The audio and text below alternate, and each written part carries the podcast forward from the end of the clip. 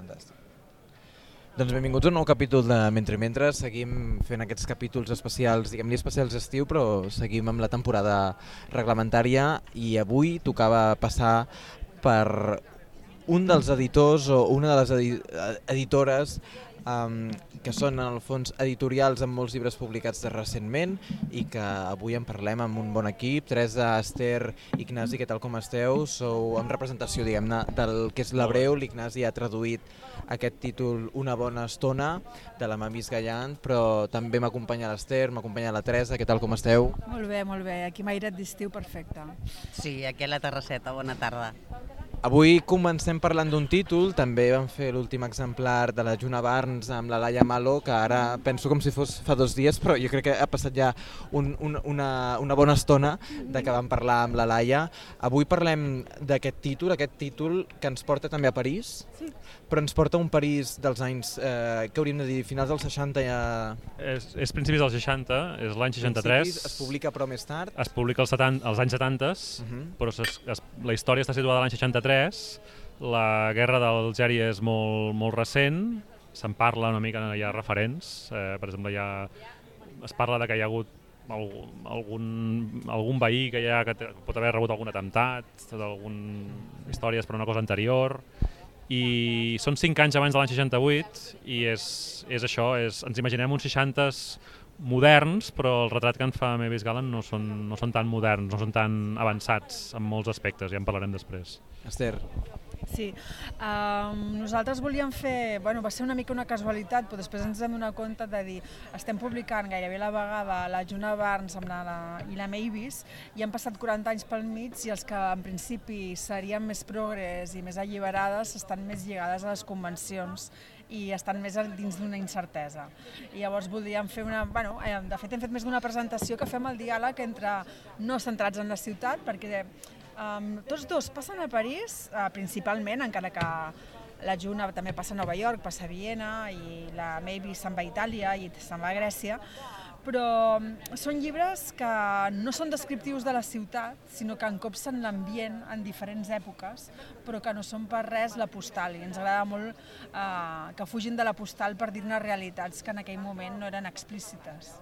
Fugint de la postal, Ignasi, que n'has traduït l'exemplar, per no dir que gairebé el diàleg té una presència batzegadora i altres formes, sigui la carta, sigui el monòleg interior o sigui extret. No, la carta és un dels que crida més atenció perquè la novel·la comença amb una carta i hi ha moltes referències posteriors a aquella carta i és una carta eh, bestial d'un testimoni de la relació mare-filla que és una relació especial i, i que desconcerta molt el lector, no? perquè la mare la mare és un personatge molt especial, Tot, totes dues, mare i filla, són persones molt, molt especials, no?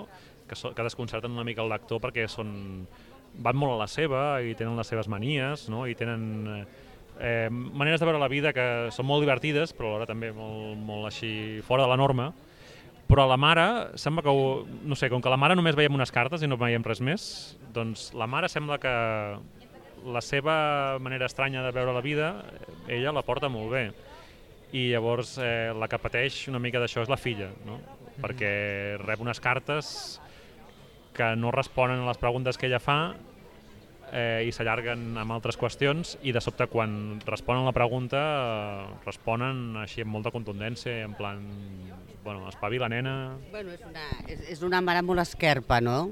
Diguem-ne, no, no sembla que en principi demostri cap afecte o cap emoció eh, cap a la seva filla. I jo trobo que això també és una de, de, de les curiositats, diguem-ne, d'aquest llibre, que bueno, eh, encara avui en dia eh, la, les mares són el que són i eh, no, es mat, maten per les seves filles, diguem-ne, i en canvi eh, la realitat ja comença així, no? en aquest llibre és una altra. Hi ha mares que no tenen una relació que és la que s'espera que hi hagi entre mare i filla. No fingeix, senzillament. Jo penso, eh? I llavors, evidentment, amb una mare així, la vida de, de, la, de la Shirley no és la, la vida que s'espera d'una noia que es casa, d'una noia que, bueno, burgesa, no? que, que tindrà fills, la seva vida. Uh -huh. Aquesta dimensió del fingir ara m'ha semblat molt interessant perquè es pot eh, lligar amb l'aspecte formal també, perquè ara ja han començat a parlar del, dels gèneres que cohabiten, no sé si també podem llegir el, el fingir també com una forma d'aproximar-se a la literatura. Uh, jo crec que els personatges tenen un punt de titelles, però titelles conscients titelles de saber que estan en una mena d'intempèrie i que juguen i busquen el recorregut que els pot portar cap a aquesta felicitat o aquesta bona estona, que és una mica, i que ja ho saben, que és una cosa que no arribaran a copsar mai. Perquè jo crec que fins i tot quan la viuen, um, tant la Shirley com els que l'envolten, um, aquesta inquietud de que és una cosa molt momentània i molt instantània, ja la, li fa lucubrar li fa pensar tot el dolent que pot venir darrere d'aquelles bones situacions. Sigui en algunes festes que hi ha, siguin bons moments que passa, siguin bons records, sempre queden contaminats per altres coses. Llavors ella um, es fingeix, i se, no es fingeix, es fa llistes, s'argumenta um, els recursos que pot tenir per arribar a ser feliç um, d'una manera sistemàtica i ordenada. No? Llavors, aquesta falta d'espontanietat, no? perquè ella també lluita de la manera contra la seva personalitat, contra la seva natura. Per, no per entrar, també, però per entrar en un món més convencional, però també perquè creu que la seva natura no és, ben, no és correcta, no és bona, no està contaminada per aquesta educació que ha tingut Esquerpa, per, per la seva manera de ser, i llavors això s'ha d'anar acomodant, ha d'anar fent el paperot davant de les circumstàncies que es troba. No? Llavors aquest fingiment és continu, inclús quan està sola a casa seva, imagina que es mou i fa les coses d'una altra manera perquè ella és topera i, per exemple, no pot assimilar perquè això una senyoreta com cal no, no és així. No? Bueno, intenta encaixar no? sí. amb, amb, amb un món tradicional i llavors mm, mm no, no, no està d'acord amb, amb la seva personalitat, no, Esther? Que és el que dius. Però ella, de tota manera, vol imaginar-se que sí. Sí. Vol imaginar-se que sí, és, que encaixa. És una novel·la aspiracional, però no, amb tot no el cinisme. No és la voluntat no? i de dir ara faré això i l'altre... Sí que s'ho planteja, sí que s'ho planteja, però no ho fa mai. I també hi ha el fingiment de tot el que és les històries que nosaltres llegim com a lectors, que el lector li fingeix que estan passant coses que no passen i fa un joc continu. Sí, hi ha un, hi ha un tema que és allò del el narrador no, no fiable, que ell és un cas, ell és un cas, no és allò... La, la típica fórmula és que cap al final de la novel·la el, el novel·lista de sobte posa les cartes sobre la taula i et diu mira, aquest narrador que tu portes 200 i pico pàgines llegint eh, no era ben bé això, aquest és el, el, el típic, no? i cap al final de la novel·la ho veus i llavors veu les últimes 20 pàgines o 10 pàgines són ja sabent això, aquesta informació, doncs llegeix la novel·la diferent. En aquest cas, la, la, la narradora eh, ja veus de, molt aviat que no és fiable i, i llavors va, va deixant pistes i va dient coses. No? Cap al principi de la novel·la ja, ella ja, ja diu que, que torna cap a casa, aquell, de, després de passar una nit fora de casa, torna cap a casa i pensa en què li dirà el seu marit per no dir realment què ha fet aquella nit. No perquè el que hagi fet sigui dolent, però ella sap que el marit no li farà puta gràcia. A part, de que, a part de que encobreix una cosa que en aquells moments de França era il·legal, no? que no direm el què, ja llegireu la novel·la. Però, en tot cas, eh, ella ja comença així. I després hi ha un munt de casos en què tu comences a llegir un paràgraf com a lector no, eh, no, estàs massa, no tens massa clar què estàs llegint i al cap d'unes línies ho saps, no? I, I són coses molt diverses, però hi ha altres moments que, o sigui, que ella comença a imaginar-se que, ja, que ja no està allà on està eh, com a personatge, ja no està en aquell restaurant, sinó que ja ha tornat a casa i s'ha trobat el seu marit, o ja ha anat a casa els sogres i ha trobat el seu marit, i, imagina, i veus una cosa que després, poques línies després, t'adones de que no, que ella s'està imaginant que està allà, però ella no hi és. Les diverses situacions. Per tant, es va, es va bifurcant la narració eh, momentàniament i de sobte després el lector diu ah no, no, no, no això s'ho està imaginant, això no és real. I això realment és un experiment formal brutal que com a lector doncs, has d'estar atent, has de tenir ganes i has d'estar preparat. Vull dir que en aquest sentit no és, no és gratuït i no és, no és fàcil. Aquests parèntesis no són breus, són llargs. I llavors, clar... Depèn del cas, sí. Té, però té el punt d'aquesta mena de remolins que com et dona tant d'espai per entrar-hi, um, te n'oblides dels teus prejudicis quan hi has entrat. No? Mm. I després hi ha un cas interessant també en aquest sentit, que parla del teatre, que, que diu comença un capítol dient... I aleshores va rememorar aquella escena eh, imaginant-s'ho diferent i ja que tenia l'oportunitat de fer-ho, es va, auto, es va donar a si mateixa línies brillants, com de dir, ara em lluiré, però això és un moment, perquè de seguida després diu eh, que el, la seva manera d'estar de, en escena desconcertava els altres actors perquè improvisava, perquè, perquè treia frases que no tenien sentit i ella mateixa se n'adonava i que estaven incòmodes i ella mateixa deia no sé, no, no acabo d'entendre l'argument d'aquesta obra. O sigui, comença a fer un, una, la imatge que està al teatre, però ho aprofita per, per introduir diferents coses, no? Aquesta cosa de, auto, de donar-se a si mateixa frases brillants, de, de, de, de pintar la realitat de manera diferent a la que és, però també a l'hora de dir eh, jo aquesta història no l'entenc, no sé si és una tragèdia, si és una comèdia, i és una mica el reflex també del que la, el lector pot sentir en alguns moments, no? de dir aquesta història que té un títol que en anglès és ambigu, A Fairly Good Time, és una estona relativament bona i ve d'una cita que és molt interessant d'analitzar perquè hi ha moltes maneres de traduir-la i el títol de la novel·la ve d'aquí. No? La cita és de l'Edith Wharton. Sí, eh, l'Edith Wharton té un conte que, que les primeres pàgines eh, és una, una trobada casual en un, en un bar a París eh, entre dos personatges un d'ells li diu, mira, jo a la vida he après que un cop renuncies a, a, a perseguir la felicitat, com aquest ideal, eh, tu pots passar bé. I en anglès diu, you, you can have a, good, a fairly good time. Eh, L'adjectiu fairly, literalment, vol dir relativament, lleugerament, o sigui, és un bastant... Tu pots passar bastant bé. Have a good time és passar-s'ho bé, no? Mm -hmm. Llavors, una manera de traduir la, la, el títol era passar una bona estona o passar una estona relativament bona. Eh, en l'edició castellana van optar per canviar l'adverb, o sigui, l'adverbi fairly com a adjectiu i van dir una, una vida eh, acceptable, o sigui, una vida acceptablement bona o una, passar una, bona, una estona acceptablement bona, com si diguéssim, no? que és aquesta cosa de dir-ho dir, de més suau. Bueno, és una, una mica de, de deixar passar la vida, no? Sí. Més o menys amb el que et trobes i més o menys dintre de les convencions que et trobes, perquè sembla que si et deixes portar per això seràs més feliç que si vas en contra directament o activament contra, contra el que no és tradicional o convencional.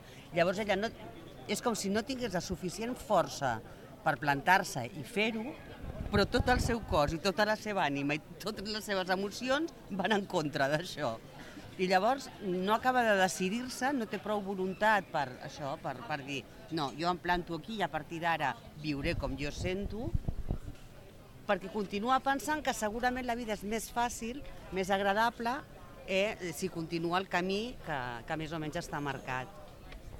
Trobo també interessant la ubicació, no? perquè es mou dins d'aquesta tradició de uh, americanes o angleses més o menys riques o pudents, no? diguem, que s'instal·len a Europa durant una temporada com una novel·la així de creixement, de, de la joventut, aquells anys que passes de formació, i ella hi ve, diguem, d'una manera, d'una primera lluna de mel i, i quan passa una desgràcia, que ja llegireu també, podria haver tornat al seu país i al que era el, el seu entorn i en canvi decideix mm, perdre's en un món que li dona les possibilitats però que dins de l'escarpitud que l'envolta el que fa és anorrear-la, no? Llavors, però ella podria agafar un avió i tornar on sigui o visitar amics o el que fos i trobar un entorn molt més agradable i en canvi està en un lloc sí que és agradable a la vista, amb una...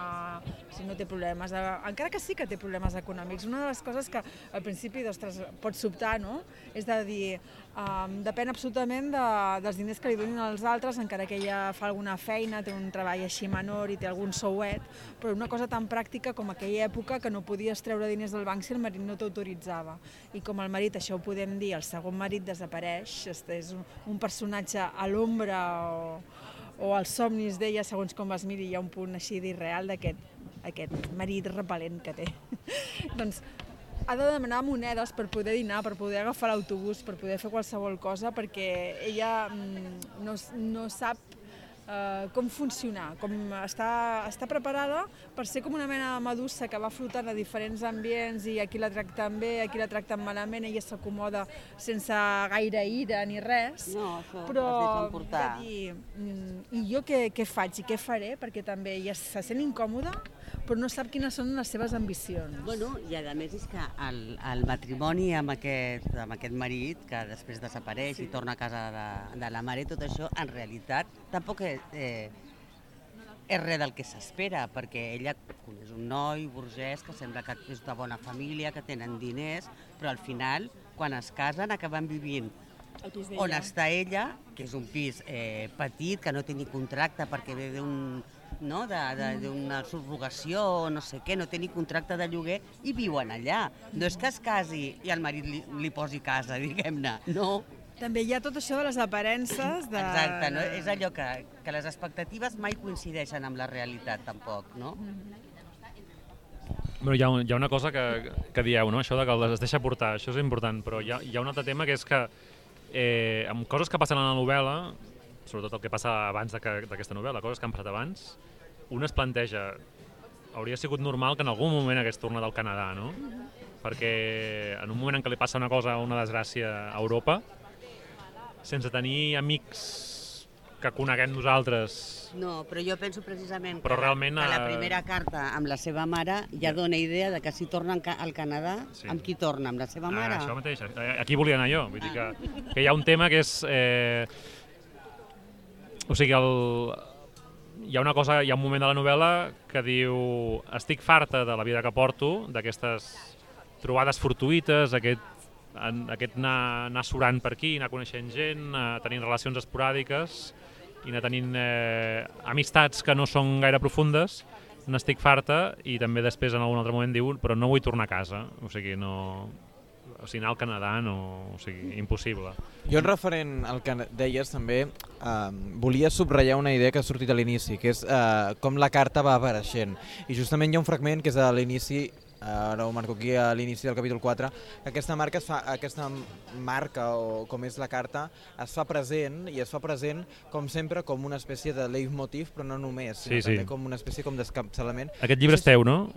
Ho dic perquè el tinc subratllat jo mm, igual que aquest. Una mica més llarg el, el, subratlla, el Jo he subratllat, però marcat sí. només, però si vols llegir una mica més t'ho agrairem, però simplement era per, per fer la referència, Sí. a mi m'agrada que si podem par partir de, de fragments concrets, si plau. Exacte, sí, a mi a mi m'agrada un fragment que ve després, que és quan diu de vegades deixava els sobres ob- sense obrir. O sigui, ara arribarem, eh? Endavant, si plau. O sigui, eh, és el capítol 4, diu... La Shirley mai no va deixar d'esperar que les cartes de la seva mare continguessin solucions màgiques i mai va tenir altra cosa que decepcions. La correspondència entre mare i filla, entre Montreal i París, va ser un diàleg de sorts continu. La Shirley li demanava consell i l'única resposta que rebia era que les seves preguntes eren il·legibles. Demanava respostes però tenia por de les que pogués arribar a rebre, sense deixar d'anhelar la clarividència que de ben segur les inspirava. De vegades deixava els sobres sense obrir durant dies, com si temés que pogués sortir-ne alguna forma de justícia insatisfeta que li saltaria al damunt i la mataria a cops d'urpa. A mi m'agrada molt aquest, aquesta idea de, de deixar les cartes de la mare uns quants dies amb el sobre allà tancat Perquè si no ho llegeixo a, no amb la por d'obrir, no? O sigui, sí, sí, o sigui, eh, no, no, era fins aquí que jo havia subratllat, o sigui, havia subratllat unes línies més, que és aquesta part de que deixava les cartes sense obrir. O sigui, la, la part que havia subratllat tu és la- és la- l'essència, no? que diu que ella, quan comença a llegir una carta de la seva mare, sap que li farà mal i que no l'ajudarà gaire, però no pot deixar d'obrir-les i d'obrir-les esperant que hi hagi una, una solució màgica als seus problemes. O sigui, que la mare faci de, de consellera i que l'orienti. Però alhora diu després, i a vegades, abans d'obrir-la, abans d'obrir-la amb aquesta esperança de que l'ajudi, abans d'obrir-la passaven dies fent, sense obrir-la, és a dir, que ella tenia molta por a obrir-la. I no era fins que en algun moment tenia una estona de dir, una, una estona de d'optimisme o el que sigui, que deia, va, l'obro, O de valentia. o de valentia, O de no? valentia. Sí, sí. Bueno, Però que... El, el, el lligam aquest amb, amb la mare no es trenca mai, continua. Mm, Tòxic, eh, com es vulgui dir. I el que té la mare amb ella igual, perquè hi ha una amiga seva que està de viatge per Europa i li escriu, escolta, que la, la tal està aquí, queda amb ella per veure-la, a veure com estàs o com està ella. És un lligam que, que, que, no es trenca mai, que és, que, que és tòxic, que és horrorós, que ella no vol tornar al Canadà, però continua lligada absolutament a, a la seva mare.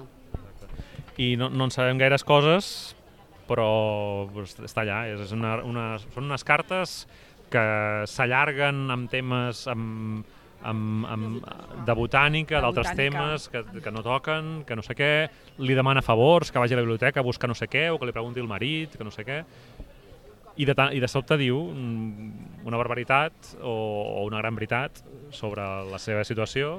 Però les relacions Però en- també per part dels altres personatges amb les generacions dels seus pares, tots tenen és aquell moment de mm, matar els pares, social, no? I tots tenen unes relacions conflictives des d'una infància més o menys hipocondríaca, controladora, mm, sense sentiments explícits, perquè era una cosa com parlar de vostè, no? els pares o el que sigui, i llavors ells estan en aquesta inestabilitat eh, de que ja són adults i en el fons no els han deixat créixer i encara els tenen controlats d'una manera o altra, sigui monetàriament, sigui, mm, jo què sé, amb, Emocionalment. emocionalment, Perquè amb les coses pràctiques. El, el, el veí grec que Sí. té eh, també finalment sembla que és una persona absolutament eh, independent, que no té cap eh, lligam de cap tipus i en un moment donat eh, surt la mare d'aquest veí, no? Sí. Eh, vull dir, jo, jo, jo penso que, que, que per la Mavis Gallant la, la relació aquesta familiar, el lligam aquest eh, entre, entre mare i fills eh, és molt important. Però jo també, bueno, això no treu també, No, no, no. no. a la vegada, que és allò de dir un alliberament social teòric um, sempre va ser un conflicte familiar o personal de maneres de pensar, d'interessos, de sopars de Nadal o el que fos, que podia ser jo un conflicte, podia ser tota una bassa d'oli, depèn de com es comportés. Llavors és qui s'amotlla les formes del que s'espera. I llavors, Sí, sí, sí, sí, sí, sí, sí, és exactament això, perquè amb el del grec, per exemple, el grec a París viu una vida mm, que a Grècia no, no la podria, no podria. viu. I tornem a això del fingiment, no? Una mica de, de les vides que es porten segons on estiguis i amb qui estiguis. Jo això del fingiment també ho, ho veig en el títol, ara que li hem donat voltes, però a mi m'ha fet, mm, m'ha frapat també pensar que hi havia una literatura de parisenca que justament eh, entre la tensió entre felicitat i bona estona es comprava la felicitat i, eterna, no?, gairebé, i sembla com que hi ha també un fet ja gairebé, mm, digue-li, metaliterari, amb, també amb què ha de ser també un, un element literari i que ha de ser un artefacte, en el fons, també. Clar. També l'altre dia pensava que té un punt de Bonjour Tristesse, de la François Sagan. De... Mm, Vas fent una vida de festes, de comoditats, però el cuc et va arrossegant per dins. I és sobretot amb la relació amb els pares amb la que explota, no? I llavors és allò, aquest divagar, aquest divagar eh, amb un paisatge comú, encara que d'aquella manera, però també la manera o sigui, de ser una noia, una noia que és conscient del que pot fer i el que pot deixar de fer.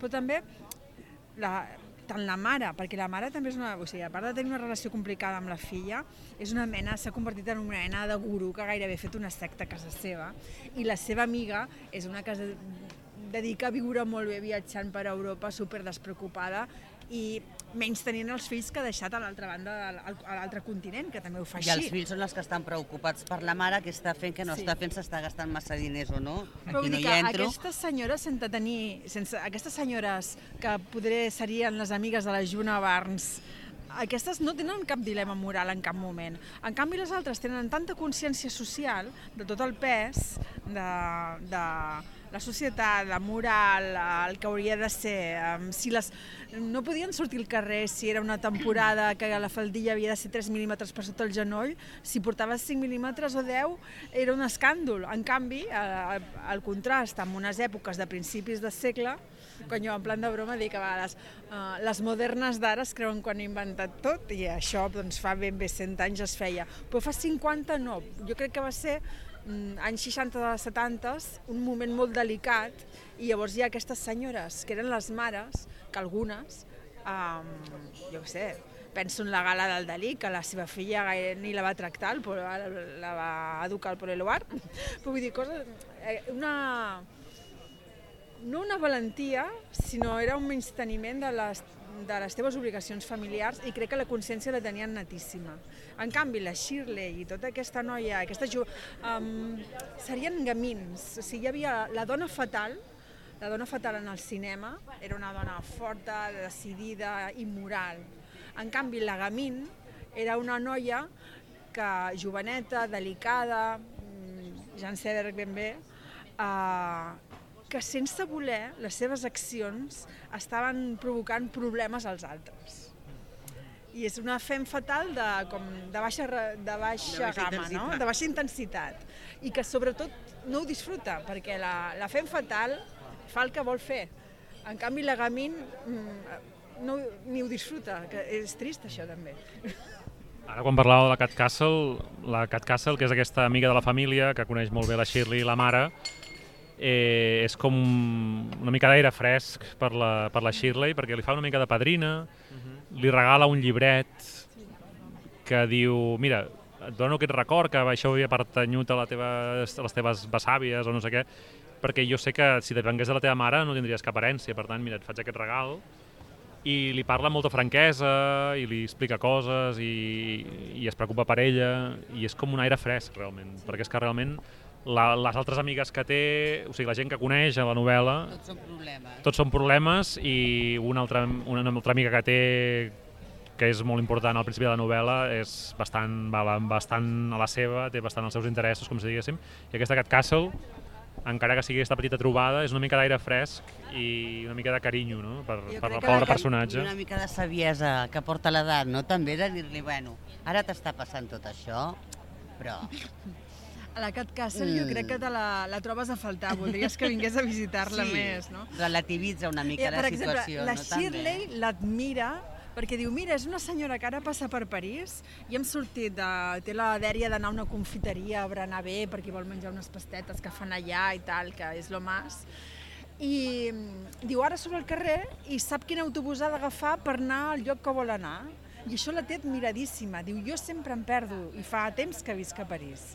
No, és allò de dir, um, la manera de ser resolutiva o la, de, la que viu en el dubte etern, no? Llavors ella es voldria transformar en aquella mena de dona, però no, no té les eines o no sap trobar-les per poder-ho fer. Però la Cat, jo crec, nosaltres volem, no la va fer, eh, la Mavis, la, la, la novel·la de la Cat, perquè la Mavis amb, amb entrevistes i que em va donar poques perquè ella era bastant escarpeta també a l'hora de... No, no feia... No crec que hagués anat a, gaire, a gaires programes de la tele, no? Ella mantenia molt les distàncies. Uh, no, perquè de fet ella era, era periodista a Canadà i va dir amb 28 anys, jo el que vull és ser escriptora, em dono dos anys, imagineu-vos, gent que escriu, em dono dos anys per triomfar i, I poder viure i poder viure d'això i si no em dedicaré a una altra cosa, estriparé tot el que he escrit i me'n vaig.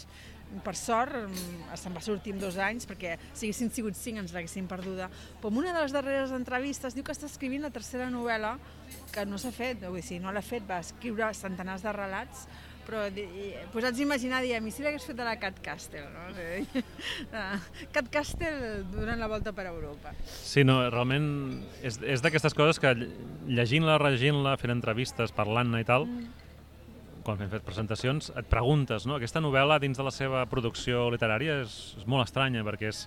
O sigui, ella tenia narracions, algunes més llargues, altres més breus, però era bastant bastant de, de, de senyir-se un espai i de, novel·la, i de narracions breus. I aquesta novel·la, en canvi, és una novel·la molt extensa, um, que divaga molt, que té una forma molt, molt experimental, no? sense ser un Ulisses, no? sense ser una cosa explícitament experimental de dir, mira, ara m'estic marcant una novel·la experimental, és una novel·la que té una barreja molt estranya de, de narrativa tradicional del segle XIX, de narració, i a l'hora de construcció de capítols, de començar, començo aquí, començo allà, eh, començo per aquí, però en realitat això no és veritat, ara torno enrere. I després també per, per què fa aquesta novel·la, o sigui, perquè té aquesta necessitat de que aquesta història no és un conte, sinó una novel·la, és molt, molt interessant de saber.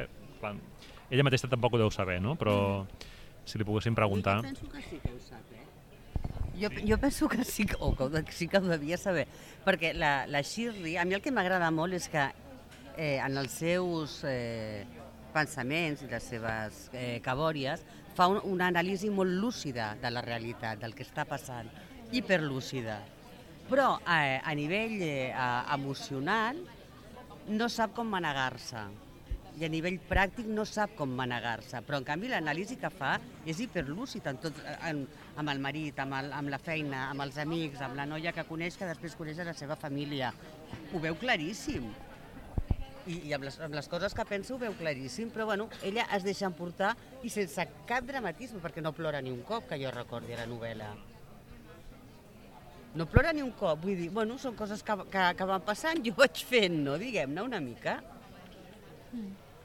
déu nhi la quantitat de temes que ja han anat sortint. Eh, jo l'aspecte formal li donava certa importància, com, com us he dit, i jo crec que ha quedat força subratllat perquè la, el que ara deia justament, no? Per aquesta eh, dimensió que podria afectar també en la concepció inicial de què vull fer jo amb això, però m'entroncava d'entrada amb, amb l'atenció inicial, no? de dir quin país m'estàs representant i d'alguna manera no? estava pensant també en quina tradició tenim de- d'explicar París, no? i aquí eh, és el que dèiem també a l'inici, no? fins a quin punt això no és un paisatge postal, oblidem-nos de fer això, o oblidem-nos també de fer paisatges de postals en els quals emergeixen fantasmes, i has citat el François Sagan amb una no tan postal, però ara estava pensant també en una Déu a Berlín fins i tot, no? que podia ser com la, el, el, el codi fàcil per problematitzar certs aspectes. Déu-n'hi-do la, la qüestió que obre d'entrada la forma de que hi hagi la carta i per això ho hem vist també i ens ha anat molt bé llegir el fragment. Jo volia aprofitar perquè ja portem gairebé dos quarts eh, d'hora parlant d'aquest títol que ha publicat l'Abreu, de la Melís Gallard una bona estona, amb el qual avui estem fent aquesta entrevista. Jo volia també saltar a partir d'aquí també el, el, el que és el projecte de l'Abreu Editors, Edicions. Eh, sou una colla d'editors, diguem-ho així, que déu nhi la feina que esteu fent. Jo d'entrada voldria donar-li també la, la dimensió Uh, encara que sigui quantitativa i després entrem amb la qualitativa, amb, amb el que és l'estructura, amb el que és publicar la quantitat de col·leccions i sobretot de, de publicacions perquè no només abarqueu, com ara estem veient dins de la intrusa, perquè ho dic perquè la gent ara ho tingui present, però veníem de la Juna Barnes, que sí que en van fer capítol, però no en van fer capítol d'una traducció grandíssima del Gran Gatsby. Veníem d'aquí i anirem cap allà. El, el proper títol... Una, una mica com la Shirley, a veure. Ara, avui estem nosaltres tres, però hi ha el quart editor, que és el Marc Romera, que com s'exilia a l'Empordà aquesta època de l'any i està maquetant el que llegireu a la tardor. I, i doncs sí, venim d'això. Hi ha mm, tres col·leccions mm, vives i una que ressuscitarà a la tardor. Tenim La intrusa, que és de narrativa traduïda, um, on hi ha els títols que tu has esmentat i a vegades hem tret novel·les que per primera vegada es treuen en català, com la mateixa Mavis, o vam treure el George Fauser, o vam treure el David Bismorgis. I tenim la Cicuta, que és la col·lecció de narrativa catalana, que ja fem la broma interna i ara la diem públicament de la narrativa uh, verinosa, i, i la de l'altra, que és la de la poesia, que tenim traduccions bilingües i autors d'aquí. I llavors hi ha la banda ampla, que era com una mena de calaix de sastre, on per exemple vam treure els primers llibres de la Tina Vallès, els vam publicar nosaltres, i ara farem un d'economia global, que es diu Truly Global, que no té res a veure, doncs allò on llibres que ens interessen però que estan fora de, dels calaixos no? de diferents col·leccions. I els vam començar el 2004, que llavors eh, el 2004 vaig començar jo mateixa. El 2006 es va incorporar el Mar Romera, que vam començar la col·lecció de la Batra. El 2008 eh, es va incorporar aquell moment el Miquel Adam, que va estar fins al 2012. Um, llavors, quan el Miquel Adam ho va deixar, es va incorporar l'Ignasi Pàmies, que també Um, això és un avís a possibles persones que vinguin a presentacions i va començar com a públic i ara és un dels editors. I la Teresa Florit es va incorporar l'any passat també perquè arriba un punt això, que nosaltres vam començar traient tres títols l'any i ara estem al voltant de 18 títols a l'any amb totes les col·leccions. I totes les col·leccions tenen o sigui, una continuïtat, no és allò de dir jo que sé, qualsevol col·lecció ha parat dos anys, no. Anem fent, encara que siguin pocs títols, però clar, és una, cada vegada hi ha més feina i per això bueno, amb la Teresa tenim la col·laboració. Mm -hmm. Teresa, no sé si volies afegir alguna cosa més, perquè jo volia fer una referència al que ara mateix dèiem, que justament autors eh, catalans vinculats a la col·lecció de poesia, hi ha en Joan Tudor, que ha guanyat el Premi de la Crítica pel volum que justament vau publicar vosaltres mateixos. Sí, sí, sí, estem molt contents perquè bueno, el Joan Tudó va ser el primer que vam publicar la col·lecció de la Cicuta, de narrativa catalana, i nosaltres els dos volums, o sigui, a la vista dels dits inclou uh, volums anteriors amb petites mm, correccions. O sigui, el que també ens va passar, o sigui, ja fa tres anys, aquests llibres estaven exaurits, els primers que vam publicar ja fa anys. I ell ja sabíem que anàvem a publicar la vista dels dits com a volum de poesia. Però llavors vam dir, ostres, a més de, de reimprimir el que són els volums cadascun per cada peça, perquè no fem un volum que serà una mena d'obra completa fins al moment de la teva poesia. Que això ho feu sovint, diguem-ne. Bueno, ens agrada que la gent tingui una visió global i pugui veure el creixement, el recorregut i, i també les diverses facetes que té un mateix autor. I ho vam fer també amb la Zoraida Burgos, i que ens va fer moltíssima il·lusió perquè era d'aquestes coses que creiem que no arribaríem a fer perquè hi havia coses que eren um, poemes que havia posat en plaquets d'artistes que gairebé no es trobaven i o sigui, la vam conèixer per fotocòpies perquè la seva obra no es trobava. També ho hem fet amb el Ricard Martínez Pinyol i vull dir, són volums que... I Andreu, Andreu Subirats. I Andreu, sí, l'Andreu Subirats diguem, va ser el pioner en, aquest sentit, amb Galtes de Perdiu. Galtes de Perdiu, sí. I vull dir, de tant en tant ho anem fent i tenim l'intenció de fer-ho més, o sigui, amb, sense presses, però que un en la mesura que sigui possible, pugui trobar, si li agrada un autor, li interessa, la seva obra poètica en un volum que li faci fàcil la lectura i també, a part de fer-la fàcil, eh, tens una perspectiva diferent i veus l'evolució. I, bueno, I estem molt contents perquè diguem que segons com la narrativa del Tudor s'havia menjat la seva poesia i aquest volum l'ha fet reneixer en, en el sentit poètic de, de donar a conèixer i, i del reconeixement mm. del premi. A més que la, la vista als dits també és un llibre que és, marca un, un canvi dins de la seva poesia. Abans i després. Un abans i després, i, i llavors veure-ho tot junt és interessant. Només falta l'epíleg del sí. Fàstic Ossega, sí. que és un epíleg molt interessant, i, i bueno, això és l'únic que falta, però a part d'això està tota la seva poesia recollida, més el, algunes cares B que havien quedat fora i que es recullen en aquest volum i estem També molt contents del premi. També passa això, que hi ha autors que, que publiques perquè t'ha arribat l'original o en altres casos ho has comprat una gent o mil coses, però hi ha llibres com el de la vista dels dits i altres de, que hem vist la gènesi, els hem vist néixer i créixer i multiplicar-se i ens fa molta il·lusió. Us preguntava justament per en Joan Tudor, perquè en Joan Tudor és fanàtic d'aquest programa, per tant ara mateix ens estarà escoltant segur, i a més en Joan té la capacitat d'escoltar-nos abans que publicitem els, els, els capítols, per tant segur que ara riurà respecte a aquest comentari, però ho dic de, de bona informació. I ho dic també per una altra relació amb, amb aquest programa que va ser quan nosaltres vam viatjar a València per Setmana Santa, en la qual nosaltres vam anar a, a el buc de llibres, per dir-ho així. Vam anar directament a un buc i el buc de llibres ens va fer una, ens va dedicar un capítol preciós justament, que tenim molt bon record, però justament va haver-hi un moment en què us feien referència i crec que quan pactàvem aquesta entrevista us feia també referència, no? que creia que era important també que sortís després d'haver publicat l'altra, perquè en aquesta altra sobretot hi havia, primer, una, un fenomen mm, que després del nostre viatge a València eh, diríem que és, no sé si repetible, però com a mínim complexíssim, que és publicar des de València per a tota Catalunya i per tant tenir una gran pota aquí, que això anant a altres cases ens ha passat que ja ens han dit que això és impossible, que estan certament aïllats, però més fent-ho des de la poesia. I ens citaven justament la Breu com a família, però també com a casa i com a forma també de... No sé fins a quin punt podria dir amb legitimitat d'imitar un model d'editorial que s'ha compromès a, a publicar poesia contemporània, però no només. No sé fins a quin punt també aquesta relació ha anat creixent, ha anat, és bidireccional i fins a quin punt també eh, s'ha començat a editar també d'una manera, diguem-ne, diferent. Jo crec que, mira, els dos Paus, el Pau Badell Madia i el Pau Sif i companyia, el Rubén i tota la penya d'allà a València, amb cadascun al voltant del 2005-2006, tots vam tenir um, la idea o, o la resposta. O sigui, jo crec que tot va venir de que hi havia molta poesia, molts recitals i era un públic i aquest públic, o sigui, igual que tots nosaltres, els de la Breu, tots hem sigut molt lectors i la llegiguera ens ha fet fer edició, no? Um, també va ser l'escoltar poetes tan bons i que ho feien tan bé i que deies, però és que no té llibre. I llavors a tots els territoris va passar.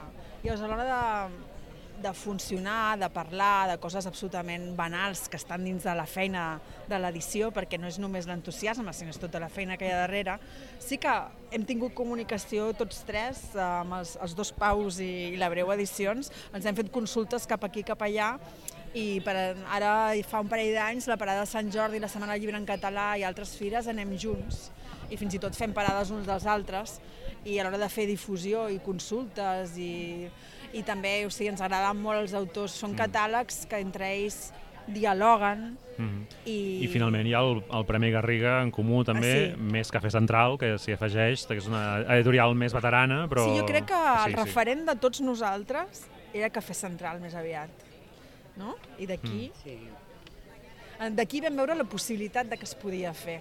Si el Víctor Sunyol i l'Antoni Clapés es passen 30 anys fent llibres de poesia, compaginant-s'ho amb una altra vida laboral i se'n surten, i surten aquelles meravelles, doncs intentem-ho, no? I crec que tots som una mica fills d'ells. I, I el mestratge, en el sentit de consultes absolutament pràctiques, però també a vegades necessita una mena de, de caliu, de caliu entre editors, que també és molt necessari, i el, també tenir la, mena, la mateixa manera d'alegries, problemes, dubtes, doncs tenir algú amb qui dialogar és molt important. Deixeu-me que faci ara de, de periodista Mònica Terribas i m'aixequi i digui però eh, fins a cert punt es converteix doncs, en una utopia l'edició de poesia vinculada sobretot eh, al, al rèdit econòmic de l'editorial, això que en defensen des de certs espais això es converteix doncs, en una utopia, que sigui un, una possibilitat o una condició? A veure, qualsevol cocteleria de Barcelona farà més calés avui aquesta nit que la breu en tot l'any. Però el bé que us ho passeu llegint-ho, això no té comparació. No, però l'altra cosa és això. Nosaltres vam començar publicant tres llibres i ara en fem 18. Si ho fem així, no sigui perquè ens hàgim... Som Mm, tenim sous absolutament normals, no és que nosaltres hàgim fet una inversió per créixer, sinó que els rèdits han fet que pugui créixer. Això sí, aquests rèdits no donen per tenir unes oficines, tres, no, sé, no sé, tres persones allà tot el dia, 8 hores. No, ni, no. ni, ni uns sous, ni... Però bueno, l'editorial es pot mantenir eh, amb les publicacions i les ventes que es fan. I però també trobo, perquè a vegades... Mantenir a vegades trobo que, evidentment, monetaritzar, tot això de qui té una validesa que és més important, si total només venen 400 llibres, si no rediten, quina importància tenen. Doncs a la literatura jo crec... Mmm, la literatura com a cosa a estudiar, com a cosa que marca una època, però també com a la lectura de, de la gent que ho disfruta, per mi això no és una cosa que tingui que veure amb la quantitat de tiratges que es facin.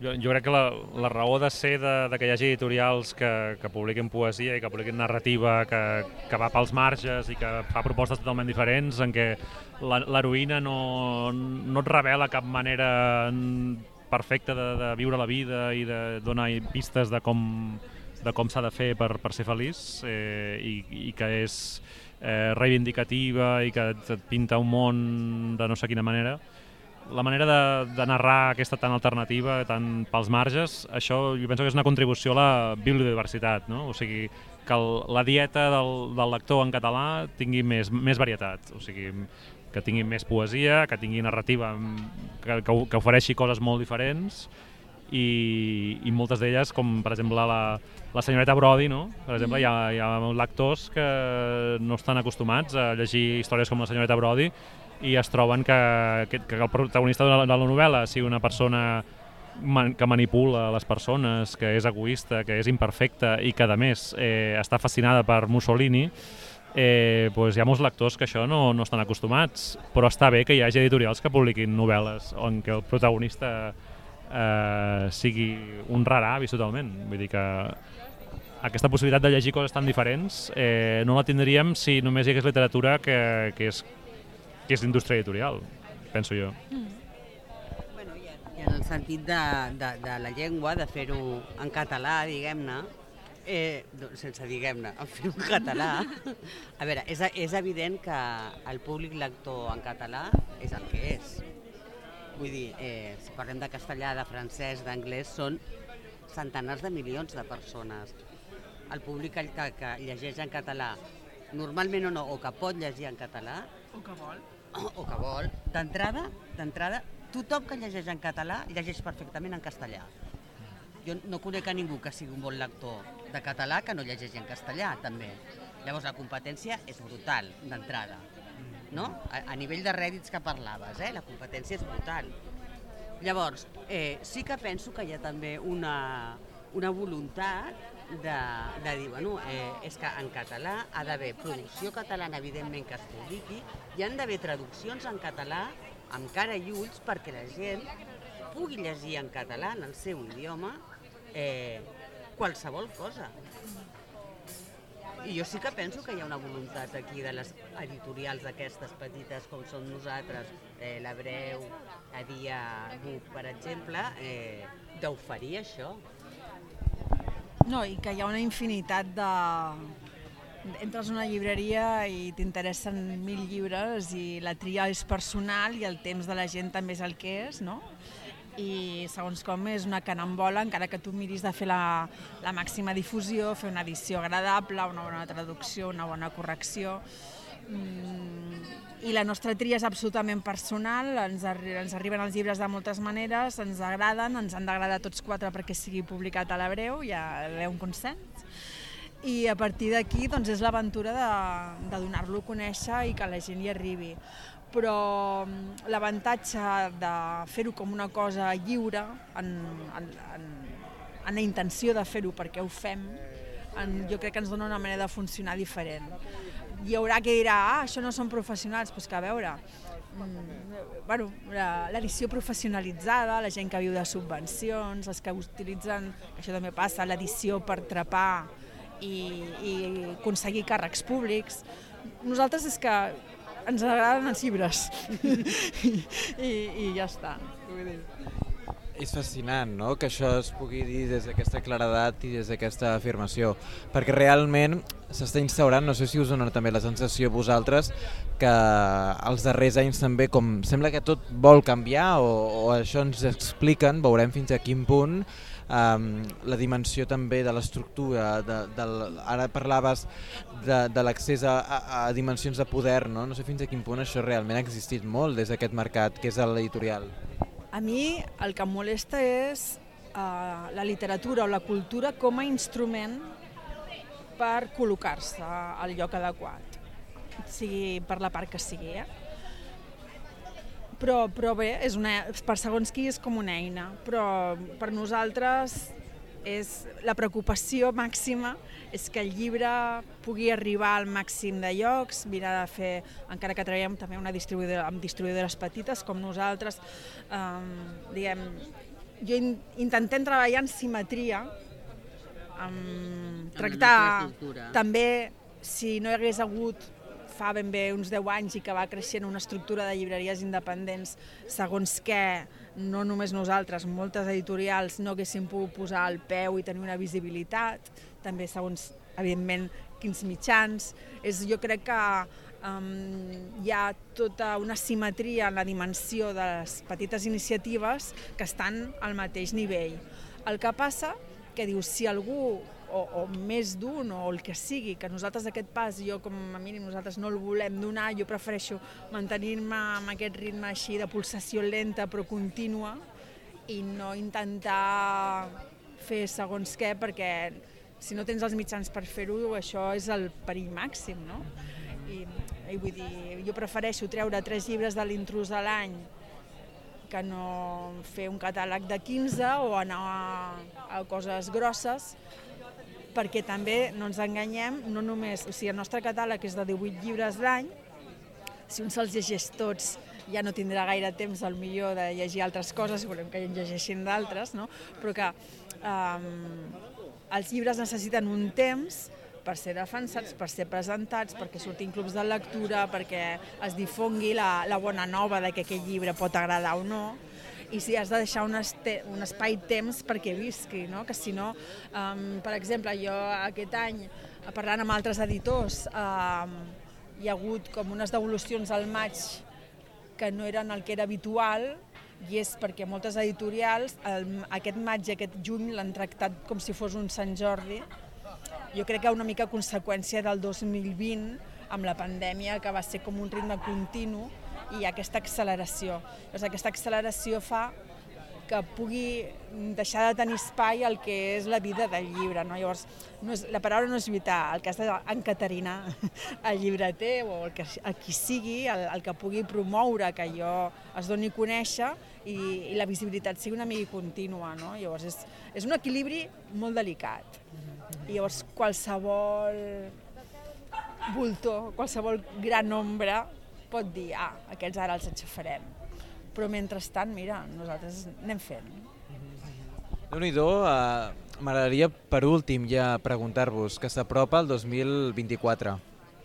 3. 2023, perdó. Clar, és, comenceu el, a publicar el 23. El 24 també s'apropa, però no tant com el Però no 23. tant com el 23. Però en aquest cas, pel que fa a aniversaris, ara estem celebrant tot un seguit d'aniversaris i justament ara m'has fet pensar en això, no? Amb el... Nosaltres aquest any ens hem fet majors d'edat, però com tenim un esperit una mica juganer, que dèiem abans, no, no, no, no, no hem fet notes de premsa dient tenim 18 anys. no, perquè tenim molta feina. podem votar? La podem fer, no sé, farem una festa, una rave. Però bé, uh, no, clar, no, vam decidir-ho, no? A vegades ho vam parlar, jo dels números rodons és, és complicat. I ho vam parlar, me'n recordo amb el Marc ja fa temps, hem dit que celebrarem els 25 Si Déu vol. si Déu vol, si, si, si el, Sí. el destí ens deixa. No, però 25... Sí. Quart de segle està bé. I també vam celebrar bastant quan vam fer els 100 alabatres, els 100 llibres de poesia. I bé, no sé, efemèrides crec que si ho miréssim bé en podríem fer gairebé cada dia ja, eh? D'una col·lecció o altra, o de... no sé. Però sí, nosaltres apunteu el 2029 Amb, amb, el, amb els autors que hem publicat sí que podríem fer el naixement, la mort de cada autor, la, la primera comunió... Sempre hi ha efemèrides per, per Sí. cada dia n'hi hauria alguna cosa. Però... Ens agradaria averiguar que Anaïs Nin, que l'anem publicant l'any que ve farem dos llibres d'ella, uh, Ja acabem la trilogia. Ja, la pantalogia. Ai, la pantalogia, La pantalogia. Ella va fer la comunió a Barcelona. Hauríem de buscar el registre civil quin dia era i fem, la, algú, fem una... Mira, Sí. Di, idea en directe. Busquem el dia que va fer la comunió a Barcelona Anaïs Nin, qui ho sàpiga, que ens ho digui, i farem una festa... Podem anar al registre?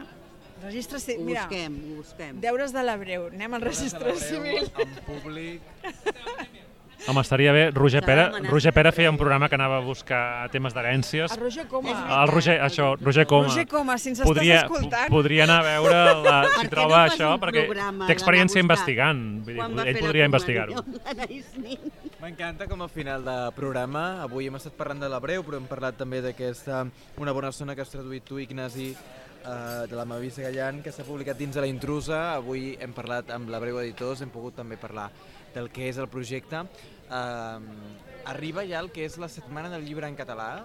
Això comença a ser també un nou pic. No sé fins a quin punt també per l'Abreu són noves novetats o són les noves novetats que en diem de tardor o de, de segon semestre, no sé com dir-li. Nosaltres per setembre traurem tres llibres, un de cada col·lecció, amb tres dames, cadascuna de la literatura. La Marguit Duràs eh, publicarem Escriure, en traduït per la Blanca i un Vidal, amb una novel·la artefacte que es carrega els gèneres de la Cristina Garcia que es diu Els irredems i de la poeta valenciana Teresa Pasqual Tot passa baix. Que aquest tot passa baix seria aparent d'una bona estona en el sentit de baixem, baixem les expectatives Adverbi, i sí, baix. I després a la tardor, doncs, a tardor ens anem però tardor no gaire tardor, cap a l'octubre a principis, ens fa molta il·lusió que traurem un llibre del Delmore Swords i traurem un altre d'Antiquities, Antiguitats, traduït per la Dolors Idina de la Cynthia Osic. I aquest llibre fa ben bé 6 o 7 anys que estava enviant mails a la gent i, eh, i sortirà aquesta tardor. Moltíssimes gràcies avui per compartir, compartir amb Mentre i Mentres tot el que és el projecte L'Abreu. Nosaltres sempre des del programa tots som estudiants que vam graduar-nos fa un any, dos anys i tenim sempre la perspectiva que afegeix també que és generacionalment com veiem també certs autors, certes editorials, certes formes de què vol dir traduir i corregir i això també és un elogi en el fons també a la tasca que feu des de la Breu perquè sempre ens ha acompanyat paral·lelament en els nostres anys d'humanitats, encara que sigui sempre paral·lelament. Això potser és el que hauríem de també parlar, no? que és perquè tampoc heu entrat amb algunes de les vostres traduccions a la universitat, però això penso que també és una reflexió col·lectiva en tot cas que hem de fer i serà un plaer anar-la fent durant aquests anys. Ignasi Esther, Teresa, moltíssimes gràcies. A tu. Gràcies a vosaltres. Encantats. Moltes gràcies.